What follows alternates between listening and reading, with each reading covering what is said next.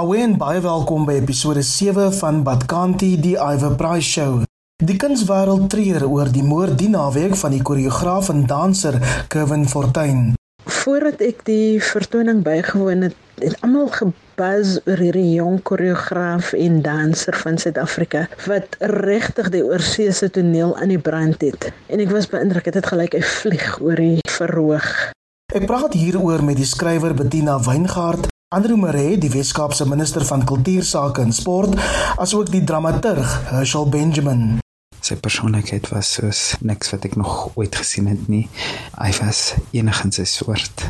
'n Nuwe era breek vir Suid-Afrikaanse politiek aan danksy 'n hofuitspraak oor die toekoms van onafhanklike kandidaate. Ek praat met die politieke ontleder Theo Venter. Hierdie soort besluit van die grondwetlike hof maak dit nou weer moontlik om een verkiesing vir al drie vlakke van regering op een dag te hou. En op 'n ligter noot, die internetsensasie Zander Fourie herstel nog na die babbelas met die vlak 3 wettiging van drankverkope. Die permit is in die pos vir ons gegee. Hier kom 'n lockdown babbelas vir die eerste keer vir die eerste maand was my hart verniel. Want almal in die regering is mos senil maar die minister sal my nie keer kan stop. Maar die rokers het nog 'n appeltjie met die agbare president te skil. Dankie dat jy die pad uit my keel het kwale. Dankie vir die dopie man. Ek waardeer dit Ek is 40% baie happy met jou decisions en al ek nog goed maar is nog 70 wat er is. Want ons het hier toekie. Meneer die president hou op luister na jou minister van nuttelose inligting. Suid-Afrika het nou bykans 70000 COVID-19 gevalle en ek ondersoek die impak van die pandemie op ons skole. Die feit dat die regering in onlangse hofsaake oor die heropening van skole gewen het, is nie eintlik regtig 'n geval van die regering wat gewen het nie, maar eerder die applikante in die saake wat verloor het. Ek praat met Paul Kaldritz van FETSAS, die Potchefstroomse student, sy die mentor en die onderwyser Jean-Andre September. Ons moet maar in die klas staan want ons het 'n plig om te doen en as ons sien daar is sien en trek hulle ons nou van salaris af en die departement hulle is nogal soms arrogant. En in sportnuus gons dit oor twee broers, Richard en David Kriel, wat in November albei vir die Blou Bulle gaan uitdraf. Glad nie vreemd of iets nie. Ek sien dit ongelooflik baie uit om weer saam te kan speel as ek kans kom. Ek praat met dokter Zamani Sul, die Noord-Kaapse premier, oor die dood van een van die laaste sprekers van die Ngu-taal. Sa ngoli ke ngou ngang. Ons kyk almal saam met die boere.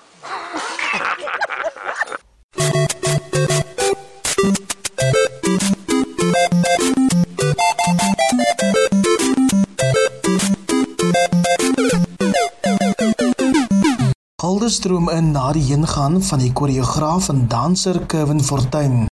Sover vasgestel kon word, is hy in die vroeë oggendure in Makassar buite Kaapstad met 'n mes doodgesteek. Hy het op verhoë wêreldwyd opgetree en is ook wêreldwyd vir sy kuns vereer. Die skrywer Bettina Weingart sê sy is ontredderd na die skoknuus oor sy dood. Ek het Kevin die eerste keer 'n paar jaar gelede in Amsterdam sien dans. Voordat ek die vertoning bygewoon het, het almal gebuzz oor hierdie jong koreograaf en danser van Suid-Afrika wat regtig die oorseese toneel aan die brand het. En ek was beïndruk, dit het gelyk hy vlieg oor die verhoog. Talentvolle jong man. Ai. En toe ek vanoggend hoor hy is oorlede, dit was so 'n skok. Wat 'n jammerte dat hy oorsee moes gaan om sy potensiaal uit te leef en dit nie in Suid-Afrika kon doen nie. Absolute verlies. Kevin het onder meer 'n honeursgraad aan die Universiteit van Kaapstad behaal. Met die aanbreek van Pride Maand begin Junie het hy op Facebook gesê dat hy in sy loopbaan al veroordeel, gekritiseer, gespot, gesaboteer en geboelie is en selfs al doodsdreigemente ontvang het. Die televisieaanbieder De Pre Strauss het hom tydens die vervulling vir die Via-program My Vreemde Vriende ontmoet. Is nie die grofste en die manlikste van ouens daar buite nie, maar dit het hom nog nooit een oomblik van stryk afgebring nie. Om die waarheid te sê, dit het hom net aangevuur om wêrelde oop te maak sodat mense wat nie noodwendig in 'n stereotipe inpas nie, kan inkom in 'n wêreld sodat hulle ook kan voel hoe dit voel. Kyk hoe werk hy met daai jong laities wat rugby speel. Hy leer vir hulle van 'n jong ouderdom af dat jy hoef nie 'n spesifieke manier te lyk like of op te tree om rugby te speel nie. As jy wil rugby speel, dan mag jy rugby speel. Hy doen dit ook met daai House of Lekap waar hy 'n huisgesin geskep het vir mense wat nie noodwendig inpas by hulle geboortegesinne nie. Is dit nie amazing nie? Ook die Weskaapse LER vir kultuursake en sport, Andrew Mare, sê nuus oor Kevin se dood het haar diep ontstel. Sy het hom in 2019 vereer met 'n ministeriële toekenning vir sy bydrae tot die bewaring en die bevordering van 'n inheemse kunsvorm. Nie net was hy 'n geliefde Kaapenaar nie, maar hy diep spore getrap in die danswêreld, plaaslik en internasionaal. Hy was 'n inspirasie vir sy gemeenskap en sy nalatenskap sal voortleef in sy Kevin Fortuin Stichting. Sy passievolle, kreatiewe en warm persoonlikheid sal gemis word. Die dramaturg en kunsjoernalis Herschel Benjamin is ook verslae oor Kevin se dood. Daar is so baie wat 'n mens kan sê van Kevin.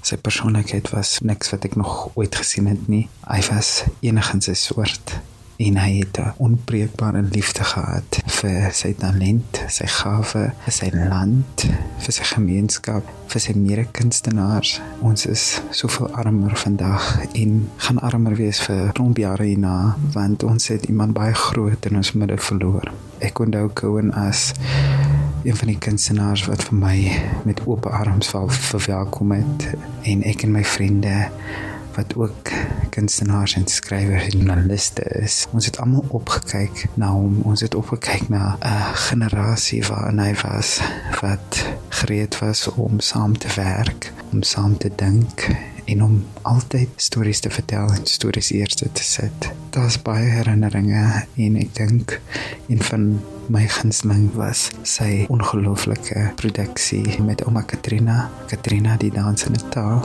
waarin hy in sy volle glorie was en dit is vir my vandag baie hartseer om tot sins te sê van Cohen was een van die kunstenaars wat by was toe ek my heel eerste professionele toekenning gekry het. En ek sal nooit vergeet hoe hy so vreeg was in my sukses en vreeg was vir ander. En so ook was dit vir talle kunstenaars en vriende wat hom geken het. Ons almal was vreeg in sy talent en elke ding wat hy gedoen het op die verhoog vanaf die verhoog. Hierdie rou sal ons moet verwerk en ons sal skouer aan die wiel moet sit om dinge te verander in ons gemeenskappe in die kunste in ons besighede in ons huise met mekaar. Ons sal skouer aan die wiel sit sodat groot talente soos Cohen nie weer so weggevat word nie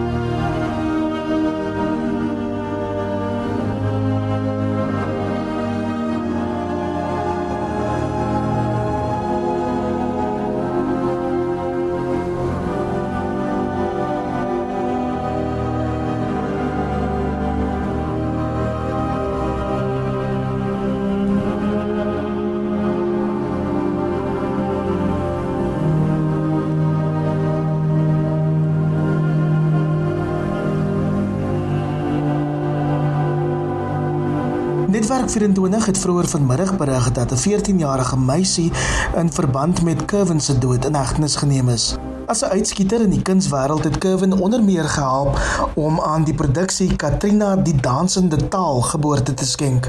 Dit is die storie van ouma Katrina Esou, die laaste vlotspreker van die inheemse Noortaal.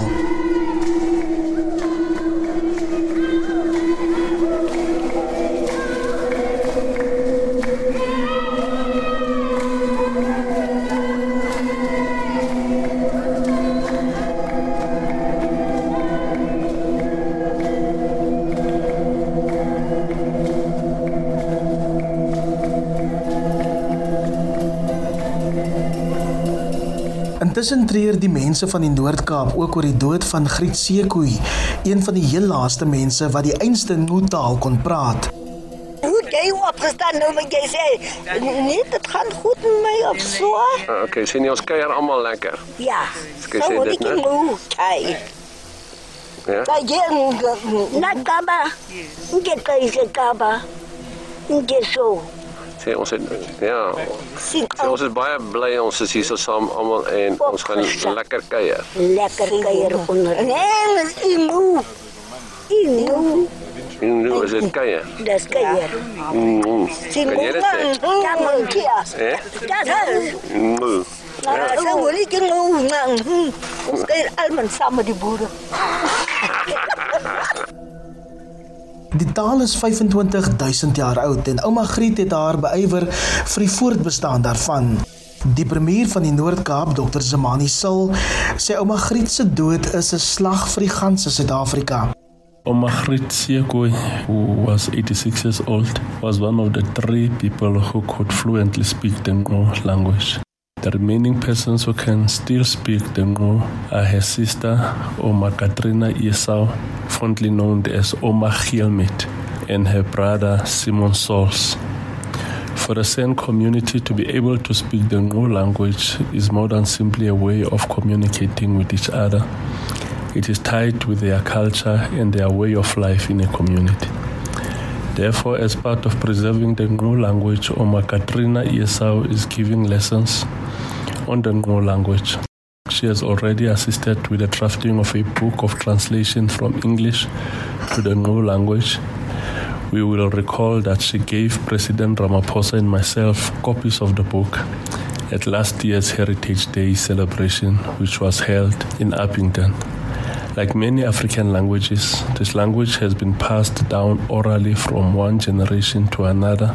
And in order to preserve the language, the Department of Sports, Arts and Culture in the province will be ensuring that we record the oral history in digital format by having specific interviews on the Ngqo language with Oma Katrina Esau and all the relevant partners and stakeholders. Dr. Zamani Sil, die Noord-Kaapse premier wat vroeër vanmiddag met my gepraat.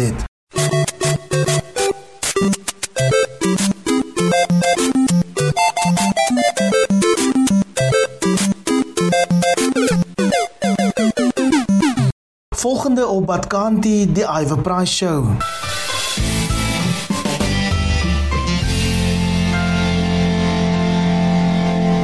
Ek het van my dop gehou, net soos enige ou. Maar nou het my land dit van my weggehou. My oë is nat gehuil, want my drank is klaar. Maar daarom het hom sirrel my gemoed bedaar. Daar 'n vreemde daar buite, ja, dis Babbelas. Ek regtig nie meer deur die naweek wag. Ons gaan almal maandag in die rye wag. Eendag baie hard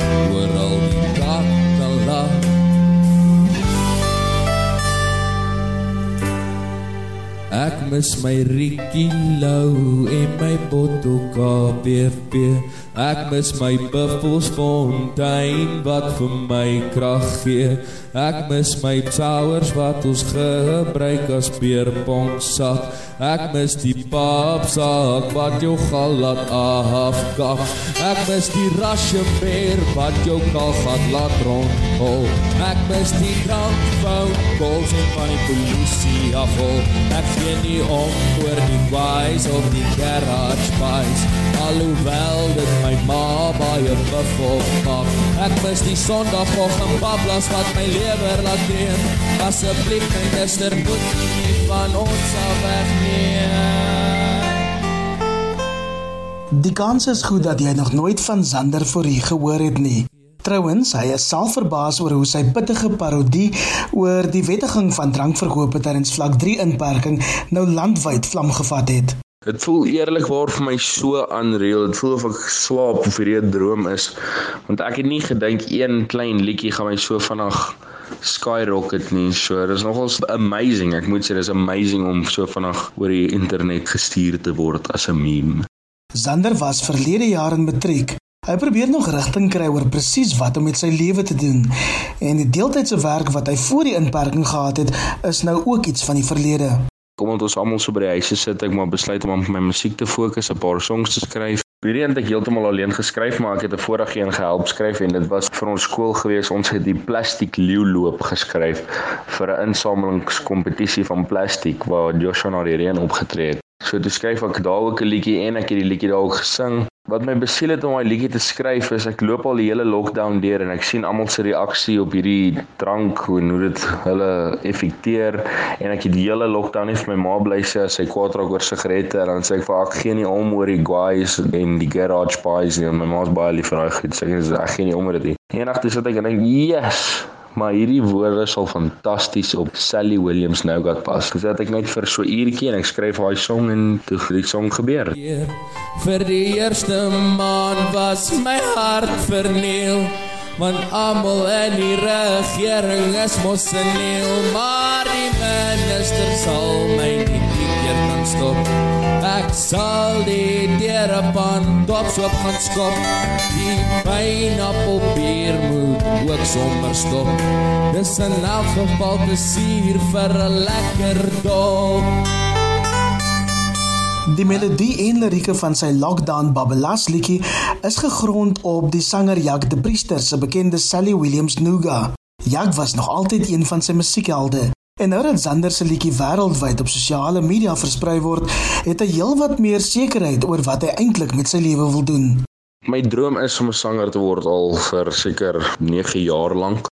Ek het net nie my boost gekry nie en ek uh, gooi net maar livestreams op Facebook maar ek voel ek kom nêrens met dit in. So wil definitief 'n sanger word en ja, Jak de Priester is wel een van my icons. Maar is hy vies vir die regering wat aanvanklik drankverkope onwettig verklaar het as deel van die nou omstrede inperkingsregulasies? Hulle doen maar hulle beste wat hulle kan vir ons almal se veiligheid. Ek sal nie juis in hulle werke of hulle poste nou wil wees nie, want dis nou 'n rowwe job daai, so ek dink maar hulle doen hulle beste wat hulle kan. En ja, ons land moet nou net saam staan en wag vir hierdie pandemie om verby te gaan en vertrou in ons regering. Ek is baie bang om die virus te kry, want dit sal nie 'n lekker ding wees om te hê nie. En die lirieke van Lockdown Babbelas is dit dalk op persoonlike ervaring gegrond en belangriker selfs, het hy toe soos baie Suid-Afrikaners vroeg in die winkellyne gaan staan toe drankverkope vir die eerste keer weer die groen lig gekry het. Kom ek sê dit so, ek voel seker vir 2 dae na definitief baie lightweight geword hierdie lockdown. Twee brandewyntjies en toe was ek hey, hey, amper op my tone geloop hoor. En ons het nog 'n bottel champagne gekoop ook omdat ons gevier het omdat ons oor 3000 views was daai tyd. So ja, ek het definitief 'n babbie gehad hoor, definitief maandag definitief toe wag ek met my pa in die rye en daar was baie mense wat 'n paar woorde vir mekaar gehad het in die rye. Daar was mense wat mekaar sommer in die winkel wou slaan en die vrou by die til is sommer aggressief en allerlei goed soos dit en toe weet ek luister almal het net 'n dop nodig. Ek mis my Rikkie Lou en my bottel KBV. Ek mis my buffels fontein wat vir my krag gee. Ek mis die souers wat ons gebruik as beerpong sap. Ek mis die papsak wat jou gal laat afkak. Ek mis die Russian beer wat jou kal gaan laat rondhol. Ek mis die drankbankkos en van die polisie afhol. Ek gee nie om oor die kwaais of die guys Alhoewel dit my ma baie bepop maar Ek mis die sondagochtend bablas wat my lever laat kreeg Asseblief minister moet die nie van ons af wegneem. Asseblief minister moet die nie van ons af wegneem. Asseblief minister moet die nie van ons af wegneem Ons gaan almal maandag in die rye val. Ons gaan almal maandag ons dop gaan haal. Daar lê 'n vreemde daar buite, ja, dis Babbelas. Ek is regtig nie meer vir maandag val. Baie dankie Zander Fourie. En so van die omstrede inperkingsregulasies gepraat. President Cyril Ramaphosa maak hom lelik laat as hy dink dat hy die nasie om sy pinkie gedraai het met die wettiging van drankverkope. Dit is eenvoudig nie so eenvoudig nie. Meneer Ramaphosa, meneer die president, ek sê vir jou duisend dankies. Dankie dat jy die pad uit my keel het kwale. Dankie vir die dopie man. Ek waardeer dit. Maar jy weet mos as mos nou percentage man. Ek is 40%, 30% eintlik. Baie happy met jou decisions en al ek nog goed maar is nog 70 wat er is. Want ons het die twakkie. Meneer die president hou op luister na jou minister van nuttelose inligting. Dit is baie duidelik dat die vrou nie speelgoed gehad het toe sy klein was nie. Sy het die poppe gehad, sy ken nie 'n Barbie poppie, sy het die karretjies gehad nie en nou wil sy die land gebruik vir 'n speelplek en ons rokers vir speelgoed. Hoe is dit aan vir man? Hoekom gaan speel sy nie met Eskom? Is sy al wat so nie kak is. Hoekom gaan speel sy met hulle nie? Hoekom is my ons speel? Ons het mos fokker gemaak. Ons het dan niks gemaak nie. Maar ek wil 'n ultimatum of wat neem jy die nuwe name? Wil ek vir haar sê. As ek teen Vrydag ek kan rook, gaan ek vir Geriniel kry. Ek gaan vir Geriniel kry. Goed, Ger. As jy die video kry of e-mail, check jou e-mail. Want Geriniel lyk na 'n strawwe roker. Goed, Ger. Ons gaan jou uitsort. Wen vir ons die hofsaak en dan praat ek en jy. Nee nee nee, moet dag hier soort net vir ons uit. Kan ons asseblief vir maandag opdraf by die hof. Ek sal aan jou linkerskouer wees. Intussen het die konstitusionele hof ook die week bevind dat onafhanklike kandidaate voortaan aan verkiesings mag deelneem. Suid-Afrika moet dus in die volgende 2 jaar 'n nuwe kiesstelsel ontwerp en die praktiese implikasie is dat ons politieke leiers in die toekoms nie noodwendig deel van 'n politieke party hoef te wees nie. Theo Venter is verbonde aan die Noordwes Universiteit se besigheidskool. Die grondwetlike hof het in die COVID-19 periode nog 'n baie belangrike besluit geneem en dit was om die kiesstelsel te wysig. Sekere elemente van ons kieswet is ongrondwetlik bepaal en die heel belangrikste deel daarvan is dat individue nie kan staan in die verkiesing nie. Maar kom ek gee net so klein bietjie agtergrond. Die groot verandering in Suid-Afrika het in 1994 gekom toe ons wegbeweeg het van die enkele kiesafdelingsstelsel na 'n proporsionele stelsel. Die groot verskil daar is dat wyke verdwyn en dat politieke partye hulle kandidate op lysstelsels aandui en ons het toe 'n variasie daarvan aanvaar wat elke 6 maande 'n oorloopperiode toegelaat het tussen die politieke partye, maar dit is ook mettertyd gestop. In 1996 het ons die volgende verkiesing gehad op plaaslike regeringsvlak waar ons 'n gemengde stelsel gebruik proporsioneel helfte van die rade en volgens wyke die ander helfte van die rade. So op plaaslike regeringsvlak kan individue staan vir 'n wyk anders as deur 'n politieke party, maar nie provinsiaal of nasionaal nie. Die verandering wat nou voorgestel word, gee die parlement 24 maande om 'n wysiging aan te bring. En dit kan nogal 'n spelbreker in die Suid-Afrikaanse politiek wees individue sal waarskynlik nou kan staan, maar daar sal reëls en regulasies daarvoor wees. Tipies het 'n kandidaat 50000 stemme nodig om in die parlement te kom. So dit gaan moeilik wees vir gewone individue sonder geld om wel in die stelsel in te kom. So alhoewel dit 'n groot verandering blyk te wees, is die praktyk 'n klein bietjie anders. Die tweede gedeelte is natuurlik dit verander die beginsel van ons kieswet, naamlik dat individue verdien verteenwoordiging kry en dit kan wees dat in areas waar daar groot plaaslike vraagstukke is, so 'n slagboom van 50000 redelik maklik sou wees om te oorkom. 'n Ander voordeel van die nuwe stelsel, afhangend van hoe die parlement nou die wetgewing verander, kan wees dat mense wat aan politieke partye behoort net om 'n platform te hê, nou toegelaat sal kan word om in eie reg te staan. En daar's baie individue of dit nou by die DA is en of dit by die ANC is wat eintlik nie ideologies hoort by die party waar hulle is nie. Hierdie sal dit nou vir hulle moontlik maak om op hulle eie bene te staan. Maar dit gaan ons eers oor 2 jaar sien. So ons praat van die verkiesing van 2024. 'n Laaste punt wat ek net wil maak is hierdie soort besluit van die grondwetlike hof maak dit nou weer moontlik om een verkiesing vir al drie vlakke van regering op een dag te hou, veral as die individuele belang ook nou geïnkorporeer kan word. En die man wat so sê is natuurlik die bekende Theo Venter, 'n politieke ontleder verbond aan die Noordwes Universiteit se besigheidskool.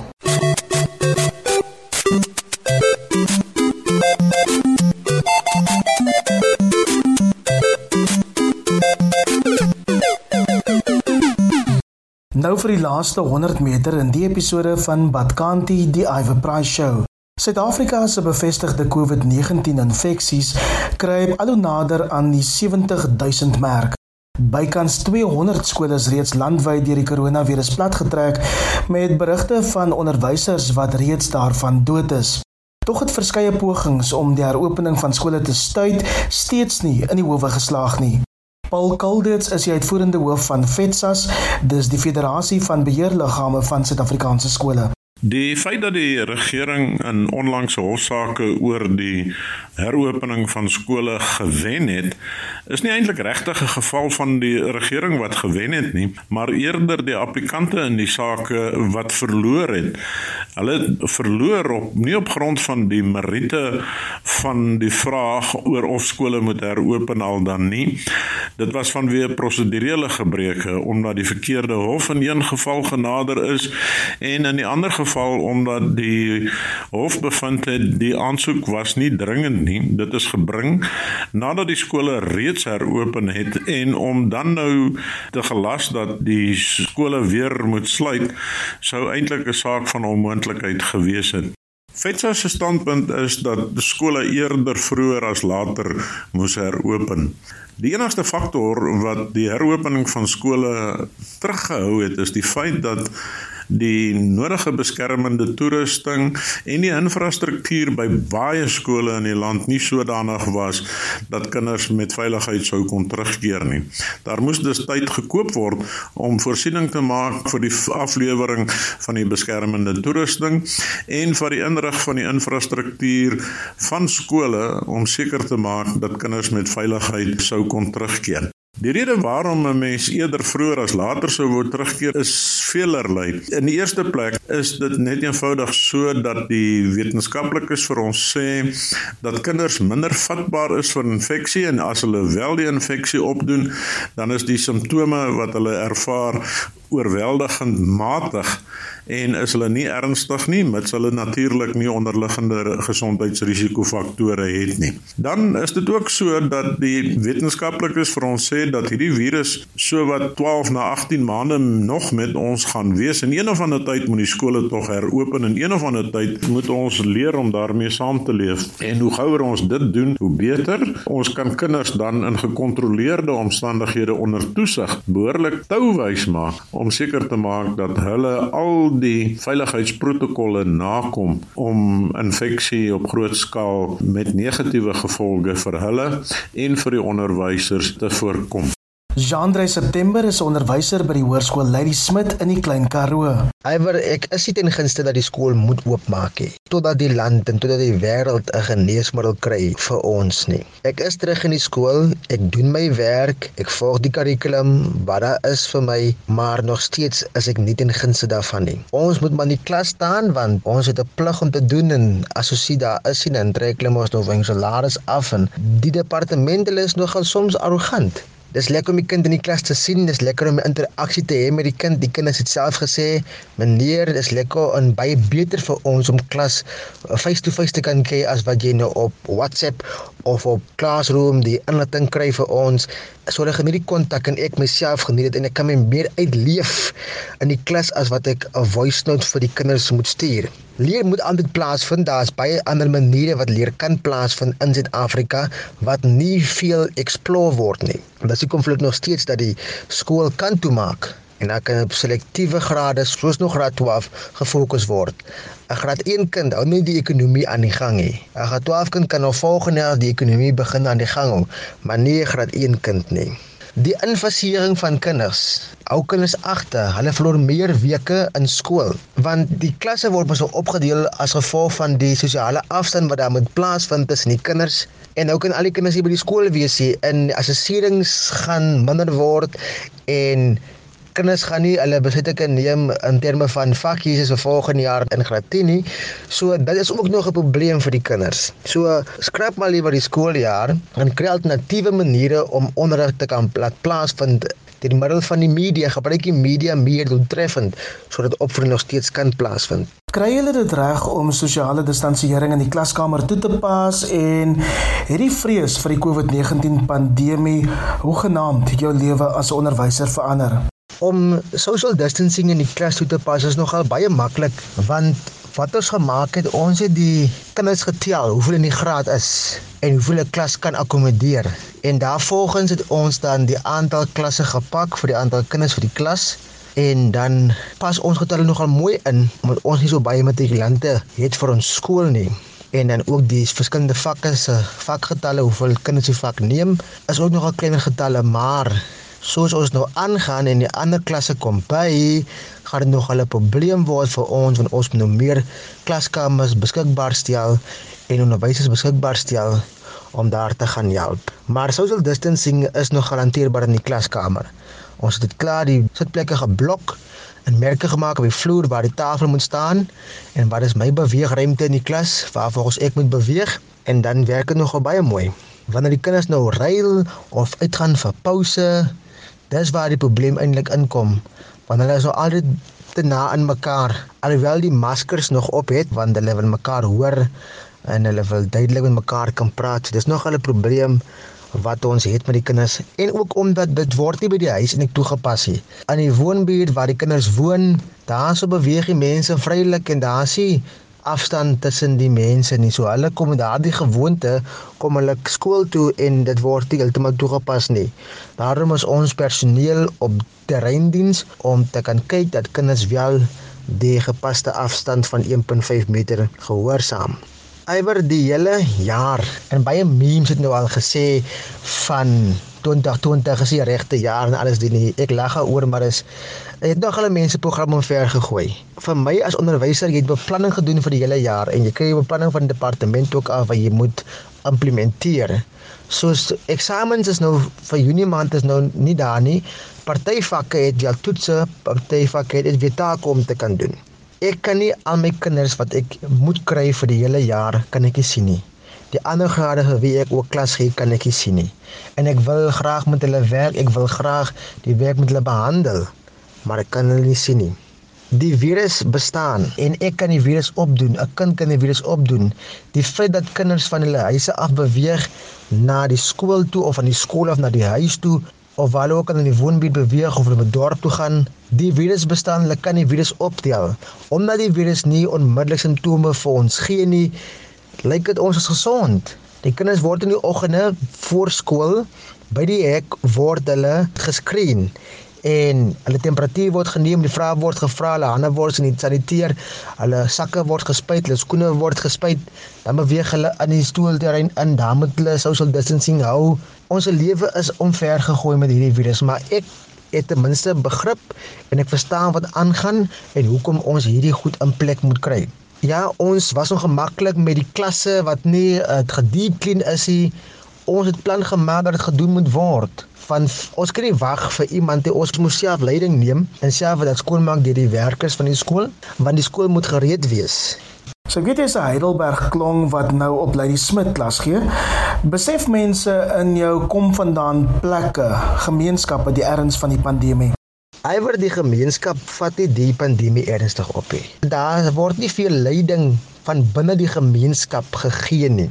Dan praat ek en verwys ek na die raadslede wat meer aktief nou moet wees om mense bewus te maak en om seker te maak en om goed in plek te stel om te kyk dat mense sosiale afstand volg en dat mense mense maskers dra en dat mense se hande saniteer word alles daai goed.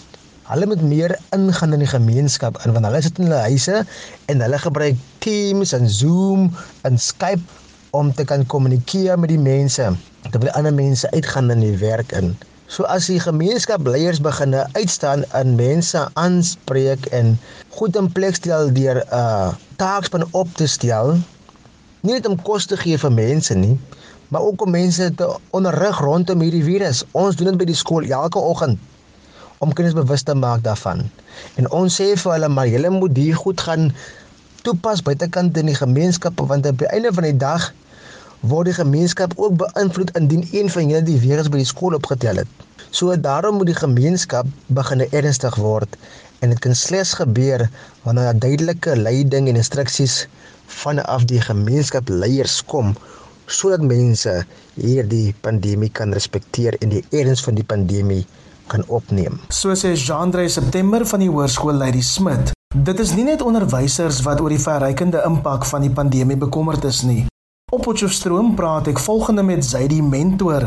Sy is 'n tweedejaars student by die Noordwes Universiteit. Ek het met my medestudente gepraat en hulle ook gevra of dit vir hulle 'n moeilike of maklike aanpassing is. En baie van hulle het nogal na my teruggekom en gesê dit is nogal vir hulle moeilik want hulle het nie wifi nie en is totaal afhanklik van data teen die hoë kostes soos wat ons weet, maar gelukkig het die universiteit daarom weer daarbey ingetree. Vir my is dit nogal 'n aanpassing net die spesifieke manier van leer. Ek is baie auditiewe en 'n visuele leerder.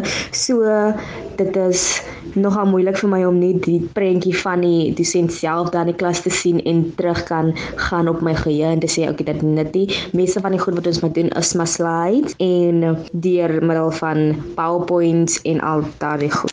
Zaidi, wat is die impak hiervan op studente se geestesgesondheid? Ek dink die impak wat hierdie pandemie op ons geestesgesondheid het, is nie iets wat kleinlik opgeneem moet word nie. Baie van ons is maar angstig. Ons weet eintlik wat aangaan nie. Ons het lae gemoedsvlakke en lae motiveringsvlakke. Ons almal vat maar dag vir dag. Sommige dae is beter as ander, sommige dae is meer produktief as ander. Ek dink dit is net die belangrikste om 'n balans te vind en om net jouself heeltyd te reassure dat môre is nog 'n dag.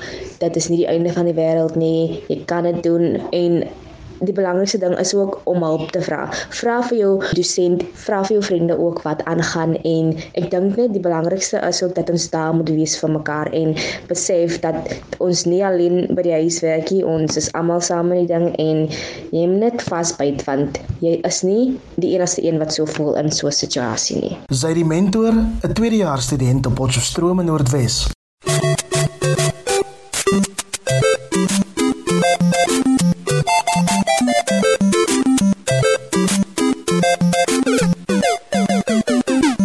En so voor ek groet vinnig sportnuus ook.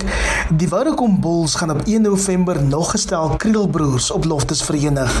Deel agter David Kriel skuif van die DHL Stormers na die Bulle en hier gaan hy saam met sy jonger boetie Richard en die res van die span uitdraf. Hulle sakeman Pa Gerrit Kriel kan nie uitgepraat raak oor sy twee Bloubil kinders nie. David en Richard se liefde vir rugby het baie baie klein begin.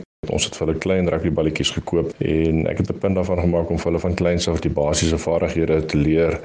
En hoe meer nuwe goed hulle geleer het, hoe meer het hulle dit net geniet en dis maar waar dit gebeur het.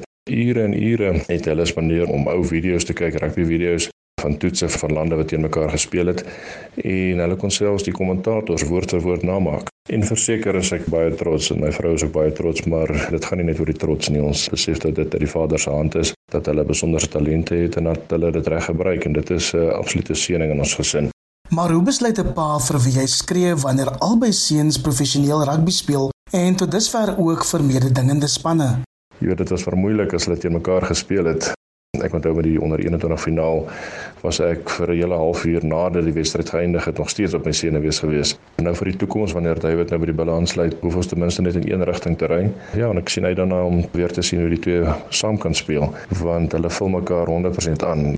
Hulle het elkeen eie stel vaardighede en dit is waarna ons uitsien. Die Stormers sê die 21-jarige David Kriel het 'n wesenlike bydrae gemaak tot sy junior liga.